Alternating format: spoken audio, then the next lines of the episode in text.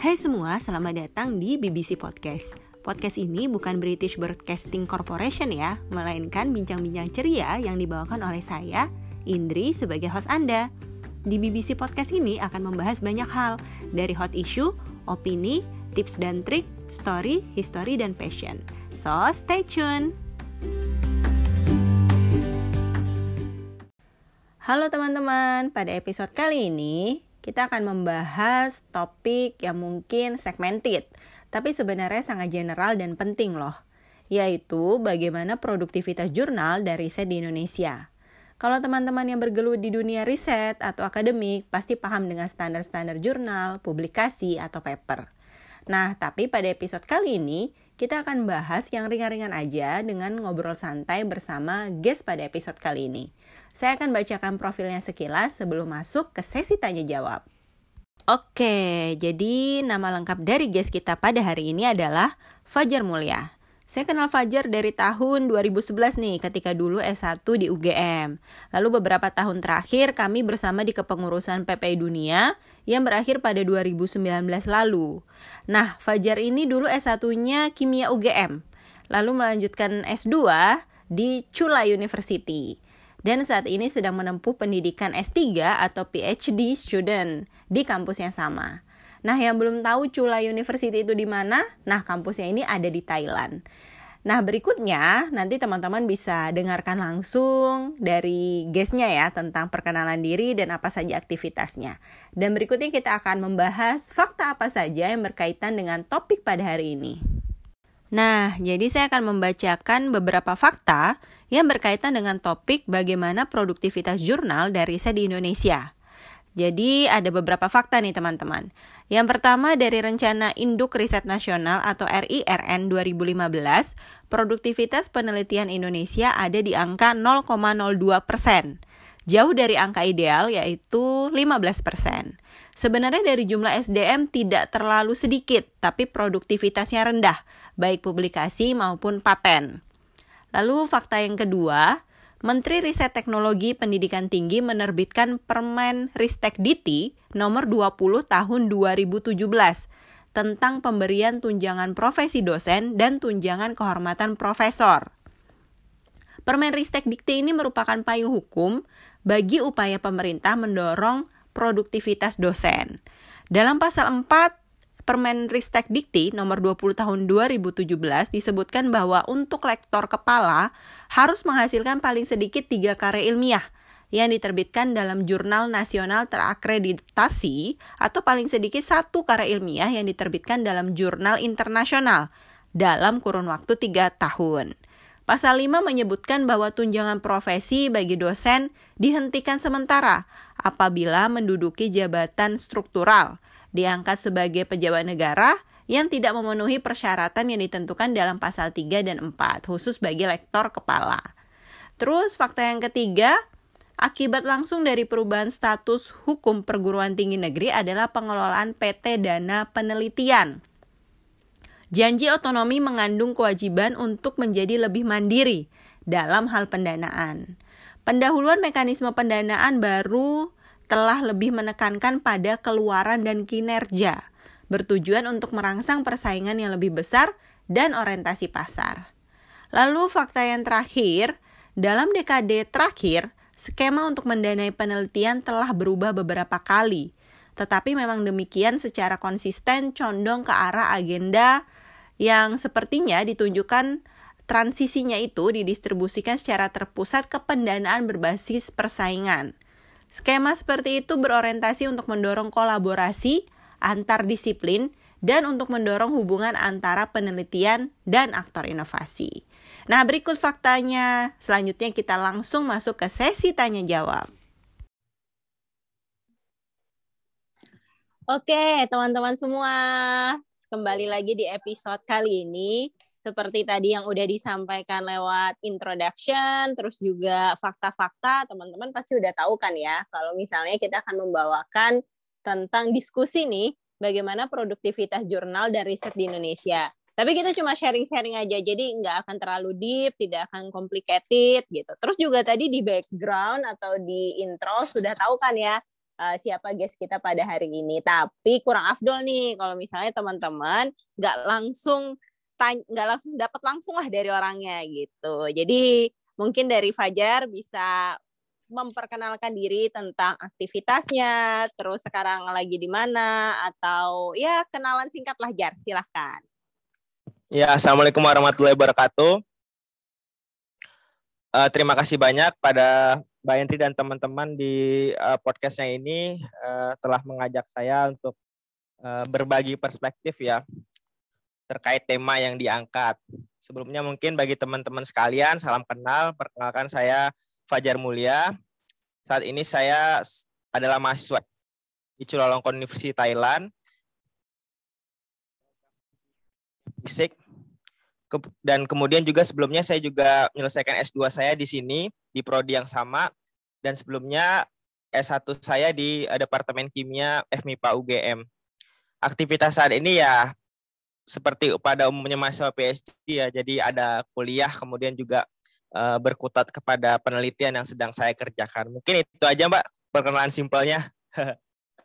Oke, jadi teman-teman kalau misalnya udah ngelihat poster kita, nanti langsung aja dilihat tuh di situ ada Instagram Fajar Mulia gitu. Jadi udah lama ya, udah dari 2011 kita kenal gitu. Jadi udah hampir 10 tahun dan di beberapa tahun terakhir juga sama Fajar karena kita ada di kepengurusan PP Dunia. Jadi Fajar ini uh, ex koordinator PP Dunia 2018-2019. Jadi kita sering interaksi lah beberapa tahun ini. Nah mungkin tadi uh, gimana cara pronounce ini jar kampus daripada nanti salah langkon atau gimana? Cula aja, cula aja mbak. Kalau nickname-nya okay. cula. cula, cula. Oke, okay, cula. Takut salah kan ya cula. Iya, nama nah, raja tadi... soalnya kan nanti. Oh iya, benar. Uh, kurang di... sopan. oh, oh, dikomenin. Oke, tadi menarik ya. Jadi kalau mungkin beberapa teman-teman yang PhD ada yang nggak dapat course nih Jar. Nah mungkin bisa disampaikan gimana di sana apa ada course-nya ketika PhD atau gimana? Iya sebenarnya terkait PhD itu sendiri tergantung program yang ditawarkan sih Mbak. Temanku juga di sini PhD bahkan master ada yang nggak ada course. Jadi dia cuma riset full riset aja gitu.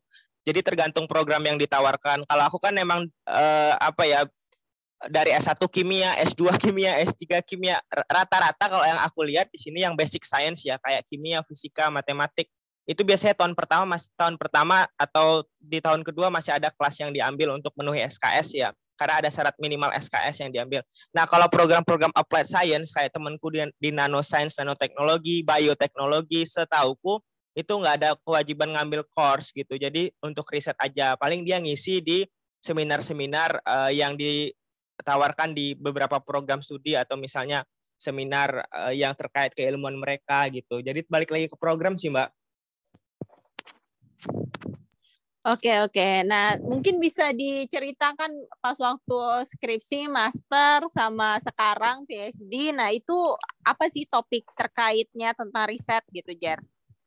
Iya Mbak. Jadi kebetulan aku dari S1 sampai S3 ini istiqomah Mbak dalam dalam riset aku yaitu uh, pemodelan material semikonduktor dengan uh, metode density functional theory gitu. Jadi ketika waktu aku S1 di UGM dulu itu aku memodelkan material semikonduktor dari uh, mat, apa senyawa organologam gitu yaitu platinum porfirin dengan metode DFT. Kemudian juga ketika aku S2 aku juga memodelkan uh, apa interaksi molekul ya yang aplikasinya di di di bat, alum, baterai aluminium dengan pemodelan density functional theory juga. Nah, sekarang S3 aku juga uh, kembali uh, apa ya istilahnya mendalami lagi kajian di FT itu yang aplikasinya untuk peningkatan apa ya performa dari baterai lithium. Kayak gitu sih, Mbak. Kurang lebih seperti itulah.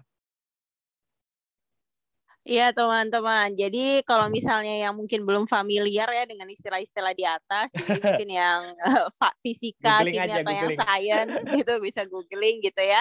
Jadi sebenarnya semikonduktor itu bahan ajaib lah gitu, material yang ajaib yang akan banyak uh, kita temukan kalau misalnya kita ngomongin teknologi dan science. Jadi aku juga ingat nih di tahun 2018 aku lupa di semester 2 kalau nggak salah itu aku ada mata kuliah solar fuel gitu. Jadi di mata kuliah uh. solar fuel itu aku pernah nanya ke Fajar, nggak tahu Fajar inget apa enggak waktu itu aku Iya, lagi iya, iya. nugas.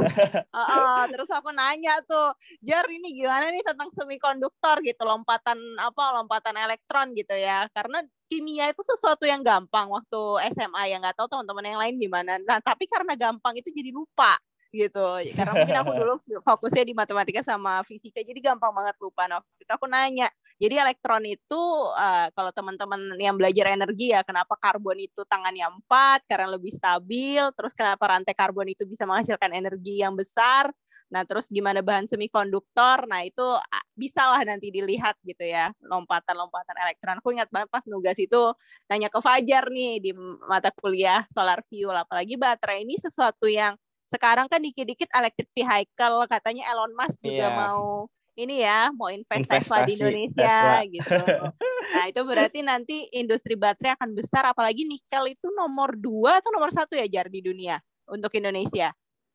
Wah, aku aku kurang update juga kayaknya ya kurang lebih seperti itu sih Mbak. Mm -hmm. nah. Kalau nggak salah sih nomor dua, tapi teman-teman nanti bisa cek lagi. Nah itu menjadi sebuah sumber daya alam yang potensial gitu. Cuma ya lagi-lagi kalau kita ngomongin life cycle assessment ya, eh, kalau material ini kan semua harus kita lihat juga end use-nya ke mana gitu. Bisa nggak nanti kalau baterai kan harus ganti beberapa tahun gitu ya. Nah itu gimana supaya limbah material atau e-waste itu bisa diolah. Nah itu mungkin menjadi catatan juga di Indonesia. Nah mungkin kita masuk nih Jar ke Iya Mbak, menarik, tadi menarik. kan udah cerita ya aktivitasnya gitu kan dari S1 S2 S3 linier gitu. Nah, kira-kira nih kalau kita boleh dengarkan. Nah, itu kira-kira ada lesson learn apa sih yang didapat secara uh, mengerjakan penelitian terus juga dibandingkan saat dulu S1 mengerjakan tugas kuliah atau skripsi. Nah, itu seberapa berbeda gitu. Nah, mungkin ada lesson learn yang pengen di-sharing gitu. Iya Mbak, jadi eh, mungkin secara umum kalau misalnya undergraduate dengan graduate student ya, kalau kita waktu S1 dulu sebenarnya kita cukup kalau menurut aku sih bagus ya waktu kuliah waktu S1 kita skripsi itu benar-benar kayak kita harus fighting. Nah, sedangkan teman-teman di Thailand sendiri di sini itu mereka kalau kalau menurut aku sendiri itu untuk anak kimia ya itu kita lebih lebih anu ya lebih struggling lah kalau untuk bikin tes bikin skripsi itu karena di sini tuh masih kayak bikin tugas akhir yang masih dibimbing sedangkan dibimbing sama benar-benar dibimbing sama advisernya ketika kita waktu S1 dulu kan emang benar-benar kita cukup berjuang ya. Nah, itu menarik sebenarnya untuk kita pelajar Indonesia belajar skripsi itu. Nah, kalau secara umum kalau menurut aku pribadi sih kalau misalnya di skripsi itu kita di apa ya ditekankan untuk mengerti bagaimana melakukan penelitian yang benar gitu kan kayak misalnya apa mencari sesuatu yang sekiranya ada kebaruan kemudian bagaimana cara mengapresiasi apresiasi karya orang lain dengan citasi dengan apa ya jangan sampai kita ada apa plagiarisme dan lain sebagainya. Mungkin di tahap itu untuk S1 ya Mbak. Kemudian ketika S2 yang aku lihat itu kita mulai diajarkan bagaimana mendapatkan apa ya istilahnya gap atau sesuatu hal yang bisa kita isi dengan suatu kebaruan apa eh, kontribusi keilmuan yang baru gitu. Walaupun kecil tapi di situ ada novelty-nya. Nah, di situ yang aku lihat ketika selesai S2 dan sekarang masuk eh, kuliah S3. Jadi kita bisa mengisi satu satu istilahnya ada satu puzzle yang kosong nih yang sekiranya bisa kita isi dan itu bisa punya impact yaitu impact kebaruan kayak gitu sih mbak kalau menurut aku ya pandangan aku Iya, jadi menarik juga nih karena kalau misalnya orang-orang dulu berpikir, kalau aku pribadi berpikir dulu S1, S2, S3 itu semakin banyak yang ditahu. Justru semakin kalau dari aku pribadi ya, justru semakin S1, S2, S3 itu bukan semakin banyak yang ditahu, tapi semakin spesifik gitu, semakin spesifik. kecil. Iya, iya Mbak. Spesifik uh, tapi dalam. Deep. Benar. Nah, mungkin kalau dulu bayangan orang-orang, wah dia udah S3 dia tahu banyak. Justru enggak ketika S3 itu justru sangat spesifik. Bayangin satu judul selama 3 sampai 4 tahun gitu ya, Jar ya. Iya, Mbak. Terus tadi juga menariknya soal research gap gitu. Jadi kalau dulu kalau aku sih pribadi beda banget ketika aku S1 dengan S2 gitu. S1 yang ikut gitu ya, sedangkan di S2 gitu harus kritis, harus tahu research gap, harus bisa uh, inilah bertanggung jawab gitu. Nah, tadi juga Fajar udah menceritakan ya tentang lesson learn-nya. Nah, terus mungkin melanjutkan nih soal konsep, framework, metodologi, atau tahapan dalam penelitian dan penulisan. Nah, untuk yang jadi standar dari Fajar sendiri secara pribadi selama S1, S2, S3 pasti ada improving gitu kan, ada upgrading. Nah, itu seperti apa sih, Jar? Ya, kalau untuk apa ya? Sebenarnya kalau dari aku sih Mbak, aku tipikal orangnya ketika dalam riset ini aku lebih ngikut uh, apa ya istilahnya guideline yang telah dibuat sama pembimbing aku gitu ketika ketika uh, ya itu S1, S2 dan S3. Tapi tentu ya beda-beda ya ketika S1 target kita nggak nggak se setinggi ketika S2, ketika S3. Tapi tapi di situ tuh uh, pembimbing itu memberikan ini loh timeline apa bukan timeline sih apa ya istilahnya aturannya SOP-nya kita harus mengikuti itu gitu. Nah, sama ketika S2 dan S3 dan alhamdulillah sih Mbak ketika aku S1 karena pembimbing aku juga orangnya apa ya beliau itu welcome terhadap riset jadi kita sempat bikin paper juga dan dan lumayan ya eh, paper di, di jurnal yang uh, terindeks secara internasional. Kemudian ketika S2 juga dan dan dan ketika S3 aku pengennya mungkin bisa dapat di jurnal-jurnal yang lebih lebih bagus lagi gitu kan lebih lebih apa istilahnya lebih terakui lagi. Mungkin itu sih target-target uh, target-target ketika ketika kita melakukan penelitian gitu. Jadi pertama sih secara sederhananya aku ikut dulu nih dari dari advisor pandangannya seperti apa, baru kemudian nanti kita kita apa ya coba uh, performa kita semampu dan semaksimal yang kita bisa. Kayak gitu sih Mbak kurang lebih Mbak. Oke, jadi kalau misalnya teman-teman pernah dengar gitu ya, for the sake of sensei or for the sake of supervisor gitu, emang bener sih gitu. Jadi emang uh, kadang ini ya kita benar-benar akan tergantung dengan supervisor atau sensei. Nah ini menarik juga ketika tadi uh, Fajar nyebut tentang jurnal gitu. Aku sendiri sih bukan anak yang akademisi banget S1, S2, apalagi teknologi apa engineering gitu ya. Kita ngomongin teknik, ya gimana caranya project menyelesaikan suatu project sama suatu problem gitu. Tapi untuk masalah jurnal dan penulisan sendiri aku juga kurang nih. Nah, mungkin uh, Fajar bisa menjelaskan tuh. Tadi kalau untuk jurnal kan kita tahu ada Q1, Q2, Q3. Nah, itu maksudnya gimana?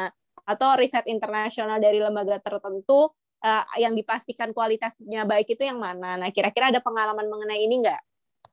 Iya, Mbak. Jadi sebenarnya gini, Mbak, terkait jurnal Q1, Q2, Q3, Q4, Scopus, dan lain sebagainya itu hanya sebagai pengindeks aja Mbak gitu. Jadi misalnya gini, secara umum mungkin aku klasifikasikan ya. Jadi ini aku juga baru tahu lebih dalam ini terkait publikasi dan terindeks-indeks itu dari uh, ya ketika S3 ini cukup intens uh, apa mengikuti diskusi-diskusi di Indonesia terkait uh, publikasi, jurnal dan lain sebagainya. Kemudian juga di sini terkait apa sih istilahnya baga- kenapa sih kita harus sampai di jurnal ini dan lain sebagainya. Nah, secara umum Mbak, jurnal itu dibagi dua Mbak uh, indeksnya, indeksasinya. Yang pertama yaitu indeksasi dari Thomson Reuters, yang kedua dari uh, Scopus atau Elsevier. Nah, mereka juga punya cabang-cabang nih, maksudnya mereka punya punya apa sih anak company lah kalau secara sederhananya kayak Thomson Reuters itu dia uh, salah satu produknya yang terkenal tuh Web of Science, Mbak, WOS. Kemudian kalau Elsevier ini kayak Scopus, Saimago.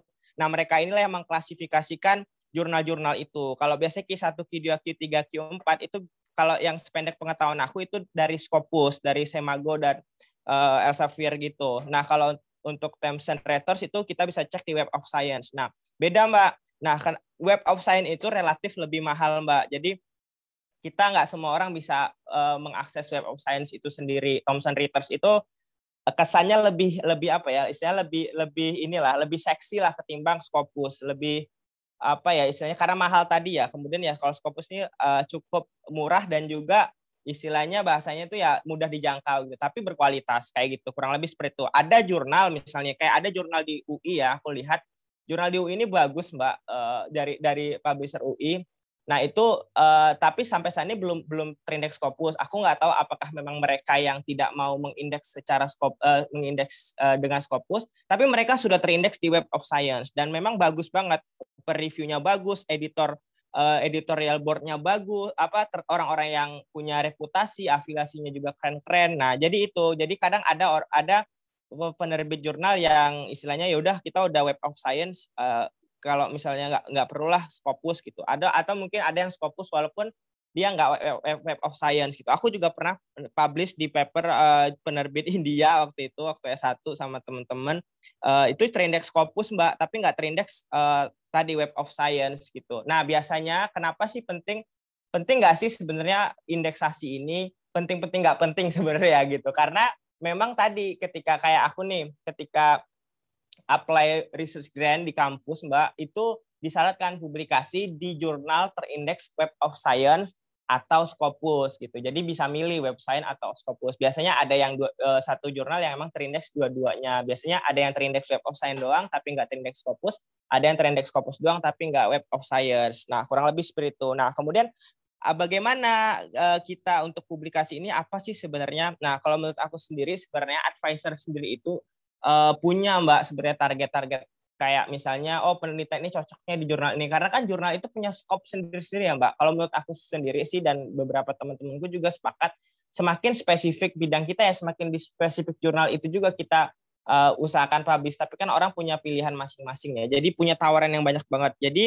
uh, selagi jurnal itu uh, punya reputasi yang bagus, kemudian juga punya impact yang bagus, kita kan sebenarnya publikasi itu tujuannya adalah apa ya istilahnya mengklaim kalau kita punya kontribusi keilmuan di sini nih gitu. Kita diseminasikan kalau bahasanya Mas Umar itu mendiseminasikan ilmu pengetahuan kayak gitu kan tujuan publikasi gitu. Jadi jadi uh, sebenarnya ya nggak terlalu harus bergantung harus Q1, Q2, Q3, Q4. Yang penting proses per-reviewnya jelas. Kemudian kita apa jurnal itu uh, apa bereputasi dilihat dari dari apa dari bagaimana dia menseleksi artikel yang masuk baga, eh, siapa siapa aja eh, bagaimana proses dia mereview artikel itu siapa siapa saja uh, editorial boardnya di sana gitu kan. Kita kan tahu misalnya Mbak Indri ngomongin uh, apa tadi uh, solar cell siapa aja tokoh-tokoh di sana. Kalau misalnya ada Michelle Gratzel gitu di situ, berarti kan jurnalnya reputasi banget kan orang-orang besar yang yang concern di kajian itu. Kemudian misalnya di bidangku, misalnya di density functional theory, misalnya ada orang-orang yang memang sudah punya nama besar kayak gitu. Jadi jadi dilihat di situ. Nah, kadang juga kan kayak Q1, Q2, Q3, Q4 juga kan dia, dia lihat citasi. Kadang kalau misalnya teman-teman yang di bidang apa ya, di bidang ini pandangan aku pribadi ya pengamatanku di bidang yang teoritikal gitu kayak misalnya bidang yang pure matematik atau fisika teori itu kan agak uh, apa ya uh, effortnya agak tinggi juga buat dapat citasi yang besar karena kadang kan kalau misalnya risetnya mungkin uh, cukup oke okay, dibanding misalnya yang oke okay banget itu biasanya cepat citasinya besar. Nah, kalau dibanding dengan kita yang applied science misalnya teman-teman applied science walaupun risetnya mungkin biasa-biasa aja tapi dia punya aplikasi yang bagus, uh, yang bermanfaat, pasti banyak juga yang mensitasi. Jadi kesimpulannya uh, kita sebagai mahasiswa kalau misalnya publikasi pasti itu advisor ngasih ngasih saran, kamu publish sini aja,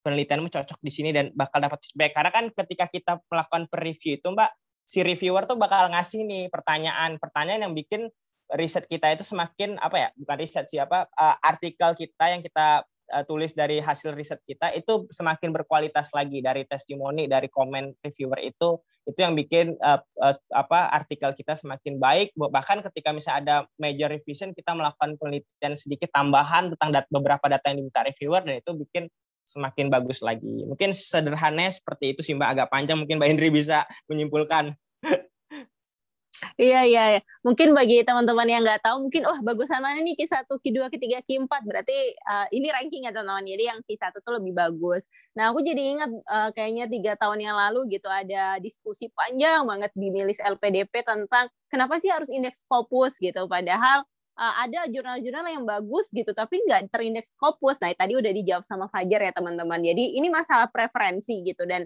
masalah apa ya? Masalah intensi atau masalah tujuan dari teman-teman apakah tujuannya ingin mendapatkan dana riset atau tujuannya memang pengen tadi diseminasi ilmu atau benar-benar pengen ya spesifik sama bidang gitu. Jadi dalam riset itu seperti itu. Nah tadi juga menarik kata Fajar, oh tadi ini lebih mahal. Nah maksudnya lebih mahal tuh nanti ada yang bertanya mungkin ya, apakah dengan publish jurnal itu kita mesti bayar? Nah mungkin bisa disampaikan Jar. Nah terus gimana sih dengan uh, jurnal-jurnal yang uh, terindeks conference gitu ya? Nah itu mungkin uh, bisa diceritakan juga. Iya Mbak, jurnal ini kan sebenarnya ada dua ya, ada yang open access, sama satu lagi aku lupa istilahnya apa gitu. Nah kalau yang open access itu biasanya yang bayar itu si uh, autor Mbak, si penulis. Nah sedangkan yang satu lagi istilahnya nggak nggak open access ini, itu yang bayar reader, pembaca. Misalnya kayak jurnal-jurnal dari Elsevier itu, banyakkan jurnal itu kebanyakan mereka ya tadi, jadi kita yang yang subscribe jurnal tersebut. Biasanya kan pasti institusi lah ya, kayak kampus-kampus yang yang yang apa istilahnya mensubscribe itu yang membayar itu gitu. Jadi uh, itu aja bedanya. Kemudian apa berarti open access berarti semakin apa ya semakin dia dibayar author berarti semakin ini dong semakin apa semakin uh, berarti lebih berkualitas yang nggak bayar dong belum tentu juga tergantung lihat tadi kan prosesnya ada editorialnya siapa aja intinya kalau yang tadi itu secara sederhananya siapa yang mendanai si jurnal ini gitu kan. Jadi dapat diperoleh dananya satu, peroleh dana dari autor yang nulis yang mau publish itu bayar. Yang kemudian yang kedua kita uh, yang mau publish yang bayar adalah readernya ya, nah kayak gitu. Nah, jadi tergantung uh, prosesnya dan situasinya Express ke keduanya kurang lebih sama sih menurut saya. Cuman yang harus kita hati-hati, kadang ini juga pernah dengar istilah jurnal predator kan gitu kan. Itu itu uh, apa uh, sekarang lagi hits juga tuh gitu. Jadi jurnal predator ini kebanyakan tuh jurnal yang open open access gitu. Kena, nah, apa beda jurnal predator dengan jurnal yang nggak predator? Biasanya jurnal predator itu dia uh, menawarkan kita untuk publish di jurnal ini dengan dengan proses review yang cepat. Misalnya bisa seminggu, bisa dua minggu, bahkan bisa beberapa hari doang. Ya itu tuh menyalahi, bukan menyalahi sebenarnya. Saya juga nggak bisa mengatakan itu. Itu mungkin kayaknya kurang kurang bagus aja. Kita nggak dapat apa-apa dong nggak nggak dapat proses review yang baik dan lain sebagainya gitu. Jadi jadi eh, kita cuman di kayak kesannya itu kita cuman bayar doang. Nah biasanya jurnal-jurnal nakal ini mbak jurnal predator gitu kan mereka udah terindeks Scopus nih. Dulu mereka performnya bagus mereka sesuai lah dengan review dan lain sebagainya. Nah ketika mereka sudah apa stabil di situ akhirnya mereka berorientasi kepada profit gitu. Nah apalagi kan kebanyakan dari beberapa apa ya istilahnya negara yang kayak mengejar uh, apa publikasi Scopusnya ya udah penting Scopus yang penting Scopus gitu. Kan bayar nggak apa-apa gitu. Jadi jadi itu ya ada juga beberapa mungkin beberapa apa ya uh, oknum yang nakal gitu yang penting publish kemudian ya udahlah jurnal predator nggak apa-apa gitu kan. Jadi itu juga janganlah saya kira ini nggak uh, kita harus menghindari karena itu kita nggak kita cuman seakan dimanfaatkan ya kita cuma bayar gitu. Tapi kita nggak dapat feedback kita nggak dapat apa ya istilahnya uh, apa ya istilahnya feedback yang baik untuk kemajuan artikel kita. Nah itu. Jadi kita menghindari yang namanya jurnal predator. Kemudian proceeding apakah pros jurnal itu lebih baik dari proceeding? Belum tentu juga. Ini juga kemarin saya menarik uh, ada diskusi. Jadi kemudian saya ada kebetulan saya ada senior ya yang satu bimbingan riset sama pembimbing saya jadi waktu itu dia melamparkan satu paper atau artikel tentang riset dari bidang dia dan itu menarik. Tapi dia bilang, tapi ini cuma proceeding gitu. Nah ternyata proceeding itu adalah PNAS, PNAS, Proceeding National Academic uh, Science United States atau apa aku lupa istilahnya. Google aja PNAS Proceeding Science. Nah itu itu proceeding tapi impactnya gede banget mbak. Biasanya yang nyitasi bahkan bisa 100, bisa 1000 satu artikel dan memang itu proceeding yang uh, apa ya istilahnya yang reputable, yang punya reputasi bagus dan nggak bisa sembarang-sembarang uh, apa bisa sembarang nggak bisa sembarangan untuk sekedar submit langsung publish nggak juga. Ada proses review yang bagus dan dia menjaga betul tuh kualitasnya. Jadi belum tentu proceeding itu uh, apa lebih apa di bawah jurnal belum tentu juga. Karena juga teman-teman juga ada yang mungkin familiar dengan prosedia engineering. Itu proceeding tapi juga banyak loh yang citasi temanku ada yang uh, publish di sana anak teknik fisika di atas 30 kalau nggak salah sekarang citasinya. Jadi jadi uh, padahal baru beberapa tahun gitu. Jadi tergantung lagi uh, apa apa istilahnya uh, apa sih kalau cuma kan beda kalau jurnal dengan proceeding biasa perbedaannya kalau proceeding itu kan kita melewati conference kemudian dari conference itu nanti diproses per review dan lain sebagainya. Nah, kalau jurnal kita nggak perlu lewat conference, kita tinggal submit ke editorial board, nanti akan ada feedback bedanya di situ doang sih. Jadi proceeding itu kan kalau di Google uh, istilahnya itu hasil uh, apa hasil konferensi ilmiah, uh, hasil dari hasil diseminasi pengetahuan dari konferensi ilmiah. Kurang lebih seperti itu bisa bisa dicek definisi antara jurnal dan proceeding. Nah, itu lagi. Jadi sebenarnya uh, apa ya? Ya balik lagi ke preferensi kita sendiri gitu. Karena kan tadi tujuan kita sebenarnya tujuan kita apa sih? Balik lagi ke idealisme kita gitu. Apakah kita uh, publish itu tujuannya untuk dapetin bonus atau publish karena kayaknya sebagai meningkatkan key performance index kita KPI ya kalau misalnya kita, kita Mbak Indri dulu di PPI kan untuk menilai apa pengurus atau anggota itu pakai KPI itu gitu. Nah, ada yang cuma ngejar itu doang atau memang dia publish itu ya pengen mendiseminasikan ilmu pengetahuan dia.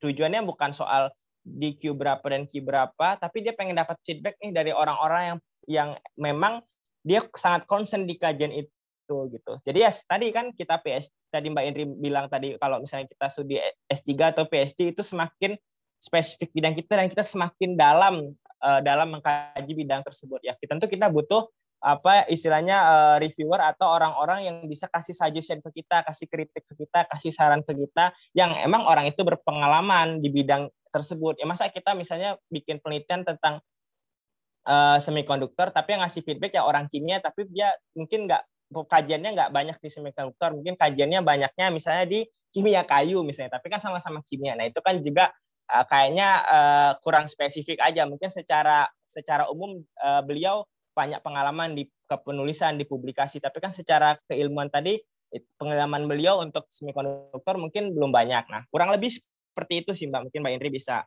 apa ya menyimpulkan dengan sederhana. Ya teman-teman, jadi kalau misalnya yang baru memulai atau misalnya ada yang pengen penasaran, oh ya aku harus S2 enggak, harus S3 enggak, nulis itu seperti apa. Nah saran dari aku sih atau mungkin dari Fajar juga, yaitu mulailah dari zaman S1 gitu. Jadi jangan terlalu telat gitu, karena memang ya kalau semakin kita mulai lebih awal tuh semakin bagus. Nah tadi menarik juga ya tentang KPI gitu. Jadi kalau misalnya teman-teman punya uh, lihat gitu ya Google Scholar, akun Google Scholar misalnya researcher siapa atau misalnya profesor siapa, nanti teman-teman bisa tahu tuh si nya ada berapa atau H indeksnya berapa gitu. Nah, itu nanti juga melihat bagaimana dampak dari tulisan atau uh, penelitian kita atau publikasi kita gitu. Nah, terus juga kalau misalnya tadi antara proceeding sama jurnal, nah kalau dari pengalaman sih mungkin yang proceeding itu lebih cepat prosesnya dibandingkan jurnal ya. Jurnal itu kadang mesti lama nunggu review gitu. Tapi ya seperti tadi tergantung dari intensi Enggak juga Mbak, ada juga yang setahunan itu proceeding. ya? Tergantung reviewnya. Oh iya, benar juga sih. Iya. Ah, benar juga ada juga yang dia lebih lama bahkan dibanding jurnal ya, benar-benar. Yeah. Nah, terus nanti uh, tadi juga menarik ya tentang bagaimana tadi Fajar juga udah mulai menyinggung tentang di Indonesia gitu. Nah, mungkin kalau misalnya kita dari perjalanan ketika sekolah atau berinteraksi dengan berbagai networking, nah itu bagaimana sih pandangan Fajar sendiri mengenai penelitian di Indonesia? Apa aja peluangnya, apa saja tantangannya gitu. Nah, sebelum bahas Indonesia dulu mungkin Mbak, kita sebenarnya terbantukan dengan adanya apa ya istilahnya globalisasi lah ya dengan adanya internet sejak era 90 apa 2000 gitu ya. Semakin kencang internet semakin apa ya semakin uh, accessible gitu semakin mudah orang uh, dulu kita mungkin uh, orang-orang tua kita ketika kuliah tahun 60 70 mencari apa referensi itu kan susah banget. Harus ke perpus harus ngecekin satu-satu. Sekarang kita tinggal googling dapat keywordsnya terus langsung di share misalnya kita Google Scholar tinggal ketik semikonduktor apa bidang kita nanti keluar tuh opsi-opsinya bahkan kita bisa kontrol F langsung kita cari keywordsnya langsung bisa dapat gitu kan kurang lebih seperti itu. Jadi memang akses ilmu pengetahuan tuh ya sama bukan hanya akses ilmu pengetahuan ya. Kalau misalnya secara umum kan kita akses informasi semakin mudah kita dapat tapi kita susah untuk memilah-milah dan itu challenge-nya gitu. Nah baik lagi ke tadi kemudahan untuk mengakses informasi, kemudian untuk mengakses ilmu pengetahuan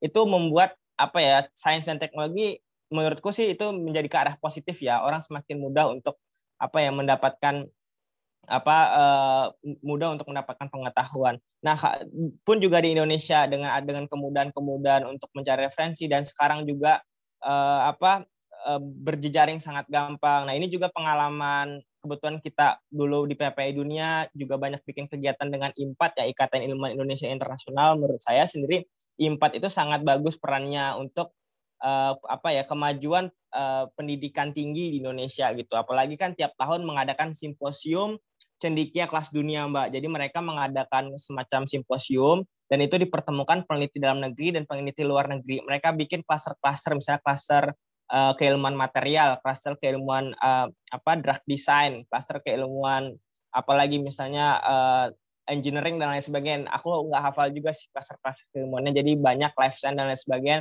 itu mempertemukan apa peneliti Indonesia dan peneliti peneliti yang berafiliasi di institusi Indonesia atau dalam negeri dan kemudian peneliti Indonesia yang berinstitusi di di luar negeri. Nah, akhirnya mereka kolaps bareng tuh salah satu contohnya itu adalah Genose atau apa Genos ya. Apa sih sebutnya Genose atau Genos tuh yang uh, produk uh, dari uh, apa Universitas Gajah Mada gitu. Itu juga kerjasama beberapa uh, dari ada uh, Pak Kuat ya dari fisika, kemudian ada juga dari Fakultas Kedokteran UGM, kemudian ada juga diaspora luar negeri namanya uh, Pak Hutomo Suryawasisto. Beliau adalah uh, associate professor di TU Braunschweig Jerman yang juga merupakan beliau merupakan head of uh, semiconductor laboratory uh, ya itulah saya lupa uh, apa istilah uh, saya lupa detail nama labnya itu. Jadi beliau itu sangat concern dalam uh, kajian nanoscience, nanoteknologi gitu. Beliau bisa dicek di Google Scholar-nya, di Web of Science uh, beliau, di Scopus dan sebagainya, citasinya sudah lebih dari seribu mungkin sudah dua ribu jadi bisa dicek dan memang beliau punya reputasi di bidang itu nah itu salah satu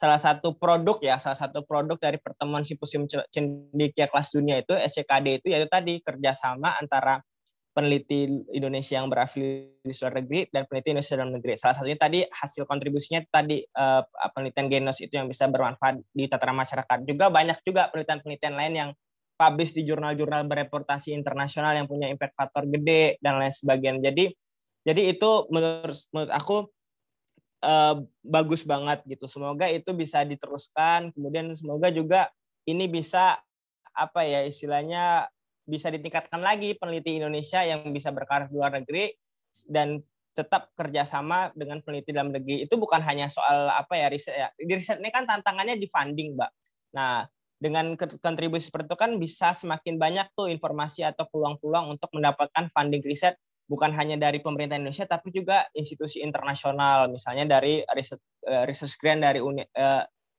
Uni Eropa gitu research grant dari institusi atau konsorsium-konsorsium lembaga internasional. Ini bagus banget gitu. Jadi kita optimis dengan dengan ker, ker, ker, dengan kolaborasi dengan kerjasama kerjasama seperti ini. Semoga ke depan ya karena memang ketika kita pengen apa ya berkontribusi besar itu ya semakin kolaborasi kita juga semakin bagus. Dan ketika kita bisa kerjasama dengan banyak pihak dan bisa itu bisa memberi impact yang besar, ya itulah akan dirasakan peran riset itu eh, membumi di masyarakat gitu dan bisa membuat apa ya Indonesia lebih lebih maju lah gitu, lebih naik kelas kayak gitu. Itu sih Mbak. Oke, jadi tadi udah cukup lengkap banget ya teman-teman tentang bagaimana nih tantangan dan peluangnya gitu ya dan emang kita udah di era digital nih juga ada uh, pele, apa ya kelebihan dan kekurangannya juga tinggal gimana kita memanfaatkan. Nah, mungkin uh, saat kita berbicara kebijakan di Indonesia ya Jar, apalagi ada perubahan di 5 sampai 10 tahun terakhir nih mengenai status universitas, terus bagaimana soal kebijakan untuk para akademisi. Ada nggak sih yang bisa dijadikan highlight yang mungkin bisa di-share ke teman-teman semua?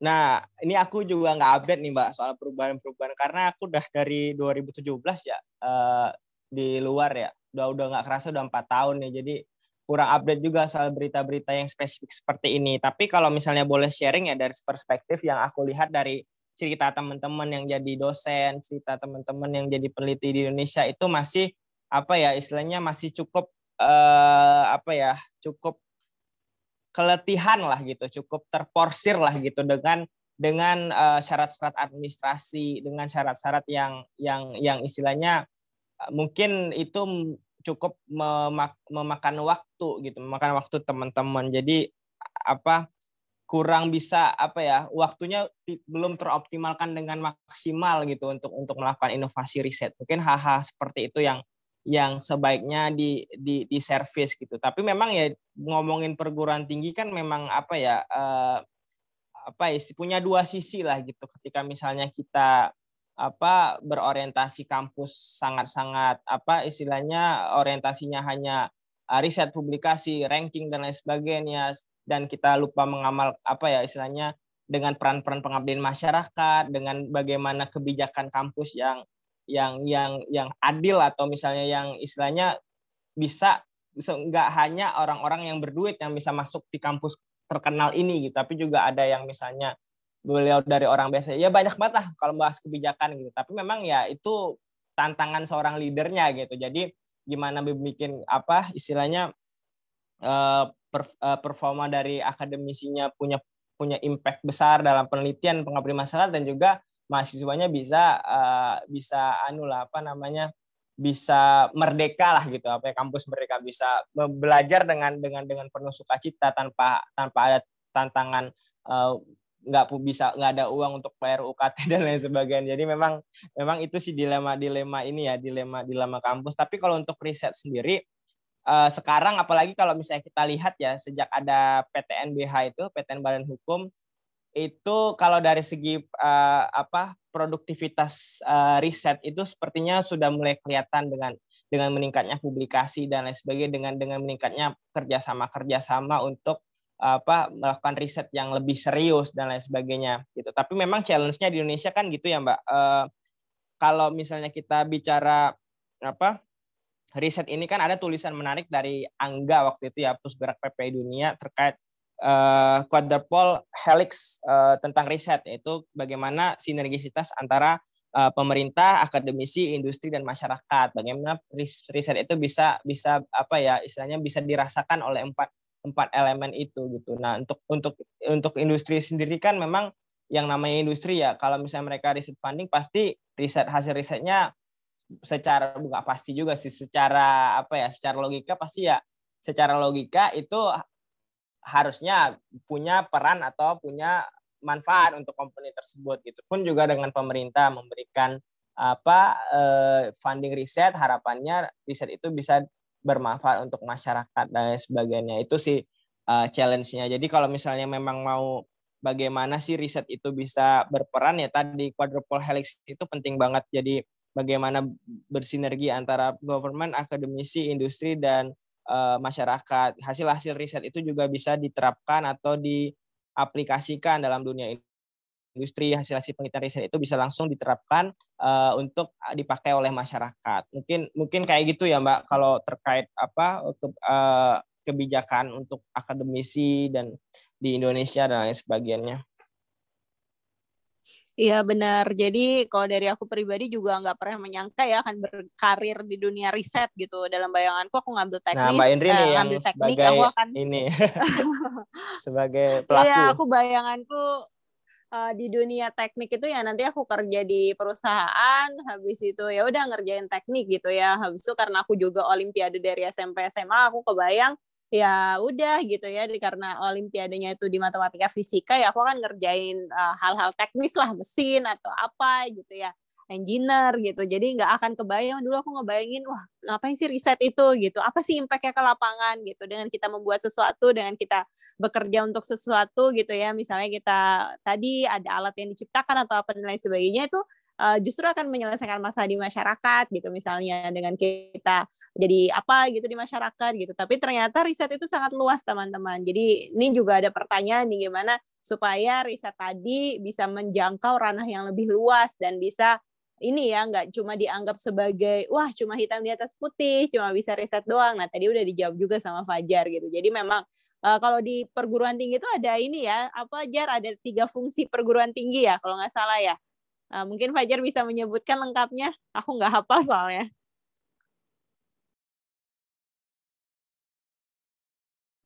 Ada fungsi penelitian, ada fungsi pengabdian masyarakat, gitu ya, kalau nggak salah. Dan nanti teman-teman bisa cek juga tuh.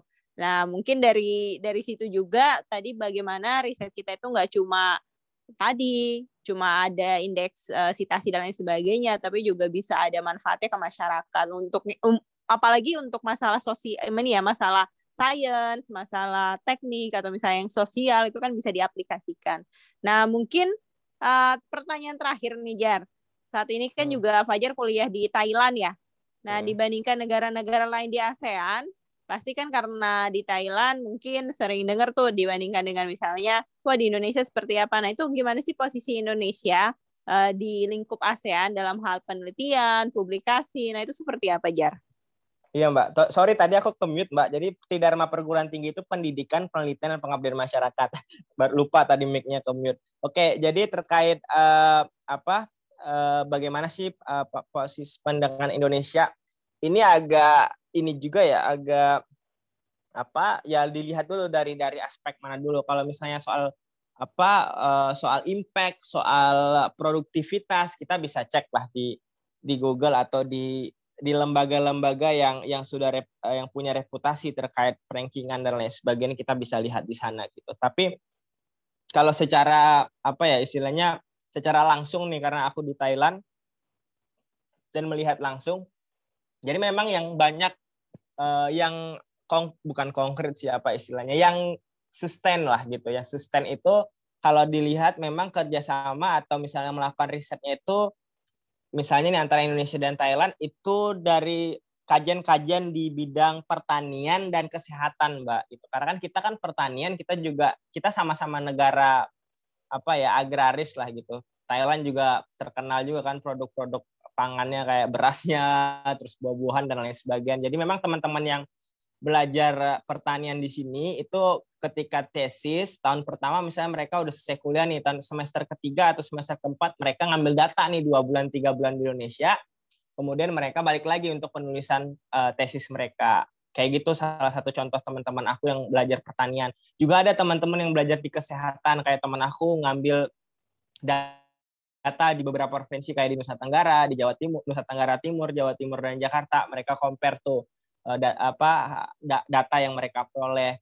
Mereka ambil data ke, ke lapangan, kemudian mereka menulis. Biasanya juga ada kerjasama, misalnya advisor satu dari Thailand, advisor dua dari Indonesia, yaitu teknisnya seperti itu. Jadi kalau menurut aku uh, kita ya cukup uh, diakui gitu di di sini dengan dengan dengan kolaborasi kolaborasi riset seperti itu kan jadi kalau untuk secara langsungnya di kita masih diakui lah. Tapi memang kalau misalnya kita lihat secara impact, secara produktivitas, mungkin kita masih agak kalah ya dengan uh, Singapura, Malaysia, Thailand gitu. Bahkan sekarang udah Vietnam udah udah ya, udah lebih unggul gitu. Tapi silahkan dicek lagi. Itu kan hanya soal angka ya, tapi tetap bisa jadi patokan buat kita untuk lebih berpacu, lebih semangat. Tapi kan ya tadi baik lagi itu angka dan data. Nah untuk uh, di lapangan sendiri yang aku lihat sih memang kita masih masih bisa bekerja sama dengan baik dan masih banyak peluang-peluang untuk melakukan riset uh, kolaboratif gitu. Ya kurang lebih seperti itu sih Mbak dilihat dari mananya dulu gitu.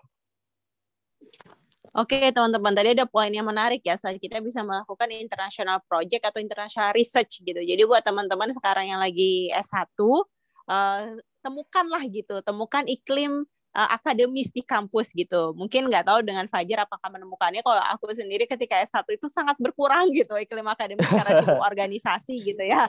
Uh, kalau dulu aku SD sampai SMA itu ranking satu eh abis itu olim gitu ya OSN gitu. Justru ketika di kampus tuh aku menghilangkan semua atribut itu ya melepas semua dan kehilangan lah iklim akademis gitu ya. Eh, justru agak telat juga di 2014 gitu tahun-tahun terakhir baru oh iya ternyata bisa exchange oh iya ternyata bisa uh, nulis paper dan lain sebagainya. Nah mungkin untuk teman-teman yang satu sekarang jangan terlambat gitu. Kalau misalnya ada kesempatan entah itu exchange entah itu international collaboration gitu ya nah itu diambil aja gitu. Karena dengan kita bisa mendapatkan iklim akademis ya di kampus itu udah membuat kita uh, bisa semangat lah gitu belajar dan semangat. Kalau misalnya dulu ketika S1 kuliah uh, mungkin karena aku teknik ya datang ke kelas, habis itu nyatat, habis itu nanti hafalan, habis itu ujian, bisa nggak ngerjain soal gitu ya tapi ketika ditanyakan apa uh, misalnya dalam satu teori gitu kan ya nah itu nanti diaplikasikan seperti apa gitu. Mungkin aku nggak bisa jawab saat itu gitu. Tapi kalau misalnya saat kita belajar sesuatu kan tuh harus bisa diaplikasikan ya. Nah itu dengan ada iklim akademis kita akan selalu berpikir oh ya aku sudah sampai sejauh mana sudah belajar apa dan ini nanti akan seperti apa ketika diaplikasikan. Nah mungkin seperti itu. Nah mungkin itu jar untuk hari ini ya. Semoga uh, tadi juga walaupun kita membahasnya sangat panjang, tapi juga semoga teman-teman semua mendapatkan insight. Mungkin ada closing statement dari Fajar? Ya, ini uh, diskusi kita ini dari perspektif aku pribadi, dari pengalaman aku pribadi ya. Mungkin ada yang uh, mungkin masih bisa di debatable atau masih ada kurangnya. Aku mohon maaf gitu. Jadi kalau misalnya teman-teman ada pandangan ya bisa uh, kasih komen juga ya Mbak ya di di di, di podcast ini atau di di Instagram podcast ini gitu. Nah, kalau untuk uh, kesimpulan jadi sebenarnya uh, tadi Mbak Henry juga sempat menyinggung aktivitas. Sebenarnya aktivitas apa pun itu kalau positif ya itu nggak ada masalah mau aktif di organisasi sosial, mau aktif di uh, di, di komunitas ilmiah karena itu nanti juga per, pasti akan akan ada manfaatnya dalam kebaikan gitu. Semua semua hal baik pasti bertemu pada satu kebaikan gitu. Nah, terkait uh, apa untuk misalnya teman-teman yang konsen di peneliti, ini pesan bareng-bareng lah mengajak kepada diri sendiri juga teman-teman sekalian semoga kita bisa istiqomah. Kalau misalnya kita riset itu ya memang benar niat kita untuk me, apa istilahnya menghasilkan pengetahuan baru mendiseminasikan pengetahuan baru. Mumpung kita masih mahasiswa ya kita masih bisalah mengangkat apa meningkatkan nilai idealisme kita. Kita ketika mungkin nanti di ranah uh, di ranah profesional mungkin ada ada challenge untuk sedikit menurunkan idealisme dan lain sebagainya. Nah, mumpung masih mahasiswa nih semangat aja untuk untuk menghasilkan hal-hal yang sangat apa ya sangat positif atau mungkin hal-hal yang memang punya apa impact besar dan bisa dimaksimalkan ya kita maksimalkan dengan penelitian kita dengan publish di jurnal yang menurut kita memang ya itu reputable bukan kita mengejar skor ini skor itu dan lain sebagainya memang kita pengen di situ karena di situ memberikan uh, apa memberikan nilai yang banyak ke, uh, memberikan nilai-nilai positif kepada kita. Mungkin kurang lebih seperti itu, seperti seperti itu aja mbak. Mohon maaf bila ada kekurangan kesalahan. Senang banget bisa sharing bisa diskusi di podcast ini. Terima kasih banyak. Assalamualaikum warahmatullahi wabarakatuh Waalaikumsalam warahmatullahi wabarakatuh. Tadi terima kasih untuk Fajar juga udah menyampaikan. Ya tadi intinya sih kebaikan apa pun teman-teman harus lakukan ya. Entah itu akan berdampak seperti apa dan jangan lupa juga kita harus tahu apa yang kita lakukan alasannya apa, tujuannya apa. Starting with why dan teman-teman bisa menemukan apa M dan goal dari teman-teman. Itu aja. Nanti teman-teman bisa terus pantengin bincang-bincang ceria. Jadi di Instagram itu bincang ceria tapi B-nya double. Dan berikut uh, episode kita pada hari ini kurang lebihnya kami juga mohon maaf kalau misalnya nanti ada ide juga episode berikutnya mau apa silahkan komen juga. Assalamualaikum, selamat malam.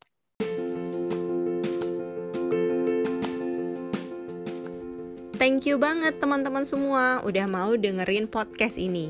Untuk update jangan lupa follow podcast kita di Twitter, Facebook page, dan juga Instagram. Bincang ceria. Tapi B-nya double ya.